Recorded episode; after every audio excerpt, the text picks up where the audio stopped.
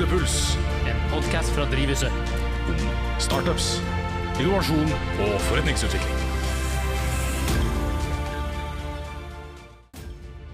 I dagens episode av Gründerpuls skal vi snakke om kritiske spørsmål man må stille seg før man setter i gang med sine oppstartsprosjekter. Jeg trodde det bare var å kjøre på ja, når man fikk en idé. Ja, eh, noen ganger så er det det, men eh, som oftest da er det ikke. Veldig mange eksempler så er det ikke det. Ja. Så jeg tenker vi går i gang med de kritiske spørsmålene eh, allikevel.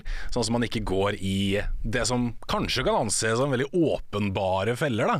Men som det er veldig greit å være klar over og ha gjort seg opp noen tanker om før man liksom setter i gang. ja. Har du tråkka ut i noen sånne feller, eller Bjørn? Eh, Jeg har tråkka i mange feller, jeg, sikkert. det er, har ikke, jeg har ikke tall. Uh, men uh jeg er jo litt sånn person når jeg først får en idé i hodet, så kan jeg bare hive meg ut i det. Uten å uten å være så kritisk. uten å være så kritisk, ja, akkurat. så akkurat den podkasten her tror jeg jo faktisk vil ha mye mer verdi for folk enn det vi kanskje tenker på. Det kan fort hende. Kanskje du lærer noe sjæl òg? Kanskje det. Det hadde ikke vært se. så gærent. Vi får se. Du får kickstarte du, da. Så Kjøre i gang med første spørsmål, da. Ja, skyter du inn, ja. Ikke sant? Hiver deg på der det er rom for det, si. Jo. Det første som uh, man bør stille seg, første spørsmål, det som er kanskje et av de mest kritiske tingene med alle nye forretningsideer, er jo er det mulig? Er det mulig? ja? Er det mulig? Det høres litt sånn åpenbart ut. Er det mulig? Ja, Hva tenker du egentlig på da, når Ja. du sier det? Altså, vi kan dele det opp i to biter, da, det spørsmålet. Så først så er det rent, rent teknisk. Uh, altså hvis man skal uh, Hvis du skal prøve å kommersialisere en type teknologi eksempel. En teknisk løsning på et eller annet problem der ute. Fins den teknologien allerede? Ja, Hvis ikke den fins, er det mulig å lage den? Ja ikke sant. Ikke sant? Sånne ting som det, for Man kan ha veldig mange gode ideer om veldig mange forskjellige ting, og så finner man til slutt ut at dette er rent teknisk sett, eller fysisk sett, så går det ikke an å lage den løsningen her. Så at ideen din er innenfor liksom fysikkens lover og, og de regler og rammer som er satt av verden rundt oss, og den virkeligheten vi lever i, det er kanskje et greit sted å starte. Men er ikke litt av tanken bak startups at man skal utvikle noe? Jo jo, selvfølgelig. Eh, og du må gjerne utvikle noe som er helt nytt for verden også. Men hvis du skal gjøre det også, så er det greit å kanskje se igjen på kanskje først de, de tekniske aspektene, og se på hva er greit hvis ikke dette fins allerede. Er det noe som det går an å utvikle? Og hvis du skal utvikle det selv, hvor mye vil det koste deg i form av altså, ressurser og penger og tid og, og alt sånt noe? Eller er det noe som du også må hente inn kanskje noe ekstern kompetanse for å få utviklet, og du må ha med deg flere på laget, da? Ja, så da tenker du egentlig litt mer på om det man skal utvikle faktisk er mulig å utvikle med tanke på teknologien samfunnet besitter i dag? Yes, helt riktig. Ja, og Så da har det kanskje litt sammenheng også med markedet, om det er klart for den teknologien du ønsker å implementere. Absolutt. Det er veldig stort, eh, stort aspekt av det. ikke sant? Altså, det finnes veldig mange gode tekniske løsninger som det per definisjon, ja, det er mulig å utvikle de. Men utviklingskostnaden vil være så høy at når du skal begynne å selge det ut i et marked etterpå, så vil prisen bli så høy at forbrukeren f.eks., hvis du selger til et forbrukermarked, ikke har råd til å kjøpe det. Ja, og da får du jo ikke solgt produktet, så da er det jo lite vits. Ikke sant. Da sitter du igjen med en veldig høy utviklingskostnad og ikke noe inntekter i andre enden, og da er du screwed, som vi sier. Ja.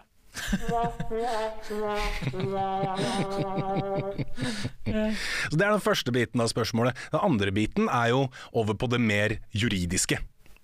Og det er ikke akkurat eh, det mest eh, sexy feltet i verden for veldig mange. Men når du skal i gang med en helt ny bedrift, så er det veldig viktig å være klar over at det er en del juridiske hensyn du må ta. Og det første er jo altså alt som har med type eh, selskapsrett å gjøre. Aksjeloven styrer veldig mye av dette. Eh, så vær litt klar over hva den går ut på, og at det finnes forskjellige selskapsformer, og at de har forskjellige regler knyttet til seg, er et veldig greit sted å starte.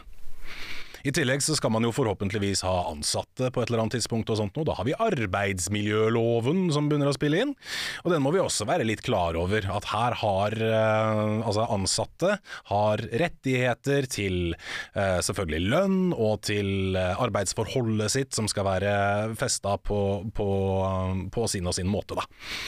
En av de som brant seg på arbeidsmiljøloven var jo Uber da det skulle etableres i Norge. En av de store utfordringene de hadde var jo de som at altså de sjåførene som kjører for Uber, de har ikke noe etablert arbeidsforhold i kraft av en kontrakt med et selskap. Da. Så de jobber for seg selv, uh, uten at de nødvendigvis har et enkeltpersonsforetak hvor de uh, registrerer inntekt og betaler uh, selskapsskatt etc. etc. Mm. Så der ble det umulig å opprettholde drift i henhold til lovverket. Ja, og nå har de da titta mer på lovverket, for de er jo på vei inn igjen i Norge. Mm. Eller i hvert fall jobbe med det. Ja, jobbe med saken. Ja. ja. Selv om det er, det er, litt sånn hele forretningsmodellen deres er jo basert på at her skal det være privatpersoner som kjører andre privatpersoner rundt omkring. Eh, og i Norge så har vi jo et ord på det, som begynner på pirat eh, og slutter på taxi. eh, så det, det, er litt sånn, ja, det er forskjellige biter av lovverket her som ikke er helt, helt på topp, da. utover det så er det et par andre juridiske hensyn som det er greit å ta også. Eh, for det første, greit å være klar over om ideen din er noe som kan patenteres på et tidspunkt, og om det er noe som du bør patenteres. Grei regel for, eh, for patenter er jo at det må være av en teknisk grad. Så hvis du har et eh, en tjeneste f.eks., så er det ekstremt vanskelig å få sikra det på noen måte. Ja, for det minimerer jo risikoen betraktelig hvis du har en såpass unik idé at den kan patenteres. Det er helt riktig. Og patent er jo det sikreste alternativet, Absolutt. man kan si det på den måten. Ja. Eh, de to andre alternativene, som man kaller for design- eller varemerkebeskyttelse, er ikke like omfattende som en patent. Nei. Men de krever heller ikke like mye, verken ressursmessig eller eh, tidsmessig, Helt riktig. med ja. å skrive søknaden Nettopp. for å få det. Ja. Mm. Patentsøknader er jo veldig omfattende, og som sagt, det må være en veldig tydelig teknisk grad hvis du skal få patent på, eh, på et produkt. I tillegg så er det veldig dyrt. Så Vær klar over hvorvidt ideen din kan patenteres på et eller annet tidspunkt, og om det er noe du bør gjøre, men det er ikke nødvendigvis noe du bør prioritere i en oppstartssetting. For Nei, de fleste kan... oppstartsbedrifter har ikke nødvendigvis ressursene til å kjøre i gang patentsøknader med en gang. Nei, så da er det viktig å ikke dele for mye, i hvert fall eh, digitalt, sånn at det ligger eh, ute på eh, det store nett. Mm. For da er det allmennkunnskap. Så her gjelder det jo egentlig, hvis man skal søke patent, å prøve å holde korta litt etter brystet tidlig. Ja. Og så kan det jo være et tips å ta kontakt med Patentstyret. Ja, det er helt riktig. Det er, det er, nok en, en veldig god tanke. Og så er det sånn at du, du, skal i utgangspunktet ikke betale for patentene dine før du har innvilget en søknad. Men mens patentsøknaden din er inne, så er produktet ditt like godt beskytta som om du hadde patent. Ja. Uh, så der har du en liten sånn venteperiode også. Så du kan egentlig søke selv om du antar at det ikke vil bli innvilga, ja. og så er du beskytta i en kort periode? Det er du. Hmm. Mm. så man kan snike seg litt gjennom regelverket på den, på den biten der, da. tips. Ja, det er ikke så dumt, vet du. Eh, men som du sa, så er det også det som er mer aktuelt for startup, sånn sett, det er jo varemerke og designbeskyttelse. Så hvis du har et produkt eh, som ikke nødvendigvis har en veldig egenartet teknisk funksjon, men du har et pent design f.eks., som er eh, veldig mye av produktet ditt, så kan du beskytte det rene designet. Og da er det ingen som har lov til å lage tilsvarende produkt med akkurat det samme designet. Ja, for det går egentlig på form og farge. Ja, Mens uh, varemerket går på det visuelle i forhold til branding, identitet, logo, ja. grafikk osv. Det er da bruk av, uh, bruk av, ikoner og symboler i uh, sammenheng med farger etc. Så da kan ingen bruke din logo på sine produkter, basically. Ja. Yes. Så er jo saken at når man først har svart på det spørsmålet, da, om dette her er noe som det er teknisk og juridisk mulig å få gjennomført, så er jo det neste spørsmålet som kanskje er enda viktigere, er det noe som jeg kan gjøre? Eller vi, hvis man har et team på plass allerede. For én ting er jo hvis det er mulig å gjøre det. Good, kjempebra. Det er mulig å bygge business på det og alt det greiene der. Men har du kompetanse selv til å gjøre det? Det er jo ikke uvanlig at eh, vi på Drivhuset får eh, folk innom som er kjempegira på å sette i gang med en eller annen app-idé, uh, men sitter med null programmeringskompetanse selv. og det blir jo litt sånn mismatch akkurat der, for da ender man opp med at man sitter med veldig mye idé, men veldig lite gjennomføring. Så her kan det bli litt sånn problematisk å få rett og slett komme til markedet som man ønsker å, å gå inn i. Ja, og det er jo faktisk litt der vi òg er, uh, Bjørn, nå, ja. med en egen idé. vi sitter litt støkk der, akkurat i den situasjonen selv. For, det, for, dere som da er uh, lyttere, så har jeg og Bjørn også et uh, sideselskap hvor mm. vi utvikler en digital tjeneste. hvor vi faktisk ikke har kompetansen sjøl til å utvikle det. Nei. Så der jobber jo vi med å hente inn ekstern kompetanse. Yes for å kunne utføre den ideen. Ja. Så nå har vi kommet så langt som vi kommer med ideen. Yes. Og det er akkurat det som er litt av uh, saken på det spørsmålet her også. Hvis ikke du kan gjøre det selv, hva må du gjøre da? Da må du hente inn folk som kan det, da. Mm. Da må du enten så må du leie inn folk. Det kan være dyrt. Det er uh, røff, røffelig regna snittkostnad på å utvikle en app i Norge ligger på mellom 300 000 og 400 000 kroner. Så det er dyr kompetanse å hente inn, særlig for en startup som ikke nødvendigvis har noe særlig penger på bok. Ja, og da er jo det også en ganske enkel app eh, sådan. Ja, ja. Mm. Grunnleggende funksjonalitet. Ja. Yes. Skal du ha en uh, fullverdig, ordentlig app, så er du jo fort oppe i én til to millioner. Ja.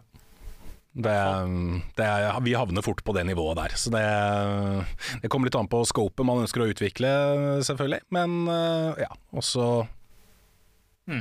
hva man ønsker man, å sitte igjen med. Ja, Men da har man egentlig alternativet, da. Enten med å leie inn eksterne. Eller Hyre et byrå. Eller Eller ansette folk. Yes. Mm. Og da er det jo veldig ofte sånn at Startups ansetter jo kanskje ikke nødvendigvis på lønn med en gang, men man kan f.eks. gi bort andeler av selskapet eller noe sånt noe for å hente inn den kompetansen. Da. Så de som blir med, ikke nødvendigvis får lønn, men de får et eierskap i selskapet. Ja. Er det, er det mange som gjør det, eller? Det er ikke uvanlig. Uh, særlig ikke for oppstartsselskaper. Men uh, det som vi ofte ser da, er at man, uh, man setter opp en sånn type avtale uh, der vedkommende kommer inn i selskapet, får en viss prosent av det, og etter en viss tid, når tjenesten man ønsker å utvikle har f.eks. generert så og så mye fortjeneste eller noe sånt noe, da har man lov til å kjøpe denne personen ut av selskapet igjen, og eventuelt da ansette vedkommende. Ja, mm. og på det punktet her så er det vel nøkkelord, kan man vel si at det er kjemi, tillit og kompetanse. Absolutt. At personen har kompetansen du trenger, at du har en god kjemi, og at det finnes en form for tillit og respekt mellom hverandre, sånn at den ene ikke kan uh, overkjøre eller rævkjøre. Helt riktig. Det det er, veldig det det går på. Altså, den, den, tilliten som uh, må være på plass for at alle forhold uh, skal fungere. Om det er uh, private forhold eller om det er forretningsmessige. Altså, alt er bygd på tillit. Hvis ikke man stoler på hverandre, så er det jo ikke noe poeng i, i utgangspunktet. ikke sant? Nei, og så vil jeg også si at det er litt viktig at uh, man ikke ender opp med å hente inn for mange også. Ja. Sånn at man rett og slett sitter fort på en aksjonærliste på 10-20 personer, mm. hvor hver person kanskje har mellom 2 til 15 aksjer. Ja. Eh, helt... Og aksjene i en emisjon deretter vil bli vanna ut. Ikke sant. Det er jo helt, eh, helt, poengløst å ha så mange. Og eh, som du sier, altså, verdien her vil bli vanna ut for selskap som er så tidlige i en prosess. Da. Det er tilnærmet umulig å begynne å verdivurdere de. Så det å ha færre personer med absolutt Uh, en god idé der på, på aksjonærlista. Uh, ja, det er kokker og søl, ikke sant. Det er uh, ha det du trenger, og ikke noe mer Færrest mulig kokker. Yes, Yes. nettopp. Vi begynner vel å bli litt knappe på tid her, så vi må vel over til det som er Vi skal er over på eh, siste, siste og det definitivt viktigste spørsmålet som man skal stille seg. Og det morsomste. Det morsomste, ikke minst. Eh, forutsatt at du kan svare ja på det. Svarer du nei på det, så er det jo Ja, det er ikke like gøy. Spørsmålet er jo da er det mulig å tjene penger på det. Og da snakker vi rett og slett med altså, er noe, Finnes det et marked hvor det går an å selge det her? Og er det noe som det er verdt for folk å betale for? Et spørsmål jeg ikke vet hvor mange ganger jeg har stilt diverse oppstartsselskaper. Det er jo alltid det som er artig å se på reaksjonen når man stiller det spørsmålet. Men veldig mange går ut i Hvis vi bruker eh, et par av de app-eksemplene som har kommet inn hos oss eh, før, da, uten å, uten å si noe om forretningsideene og sånt noe, så er det jo veldig mange som har kommet inn og hatt en sånn eh, idé om at jeg skal lage en app, og den skal være gratis å laste ned, og den skal være gratis å ta i bruk, og den skal være helt fri for annonser, og det skal ikke være noe sånn freemium eh, abonnementsordning som man må melde seg på etter at man har hatt den i 30 dager.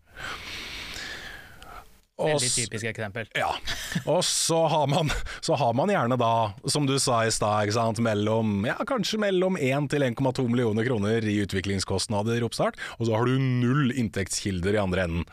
Ikke fordi at eh, folk ikke vil eh, betale for det, men fordi at man liksom legger opp til en forretningsmodell der man ikke har inntekt. Ja, og det er jo også derfor du ser at mange av de startupene som baserer seg på en sånn type modell, som rett og slett er ingen modell, at de er basert utelukkende på investeringer fra investorer. Ja, Eh, og på driftsinntektsiden så kommer det ingenting det i lang tid før man får innført en forretningsmodell. ja, Men da har jo kundene brukt det gratis, ja, og så skal de på et tidspunkt begynne å betale for det. ja. ja. Eller på et tidspunkt så dukker det opp en sånn der annonsemur for hver gang de logger inn i appen din, ikke sant? Og da blir man jo bare irritert. Ja, det er jo det som fort blir eh, resultatet her, at du får misfornøyde kunder. Yes. Mm. Det er det ingen som vil ha. som dette, da. Ja, ikke sant? Da, det, da er vi tilbake til scratch igjen, ikke sant. Ja. Så det å være litt klar over altså, om dette er noe som det går an å tjene penger på, og hvordan vi skal tjene penger på det, er kjempeviktig. Og det handler jo egentlig om å kjenne kundene sine, Ja, det gjør det. og hvordan de vil ha problemet løst, og egentlig hvor viktig den ideen du har er for markedet, Nettopp. som sier noe om om de er villige til å betale for det, og i så fall hvor mye de er villige til. Ikke minst. Mm. Det er ikke sant. Det er kjempeavgjørende for alle nye bedrifter. Så vær klar over det, at du må vite om ideen din er mulig å bygge en forretningsmodell på. Og det er viktig å vite om det finnes et marked hvor den forretningsmodellen kan fungere. Ja. Så kort oppsummert så kan vi da si at de kritiske spørsmålene man bør stille seg før man starter opp en bedrift, det er om det er teknisk mulig å gjennomføre, Yes. om det finnes noe juridisk med tanke på lovverk, selskapsform osv. Yes. som gjør at det kan bli komplisert Ja. eller ikke mulig. Yep. Og helt til slutt, om vi har kompetansen som trengs for å gjennomføre det, Mm. og om det er mulig å tjene penger. Ikke minst. Finnes det kunder? Ja. Ja. Helt riktig.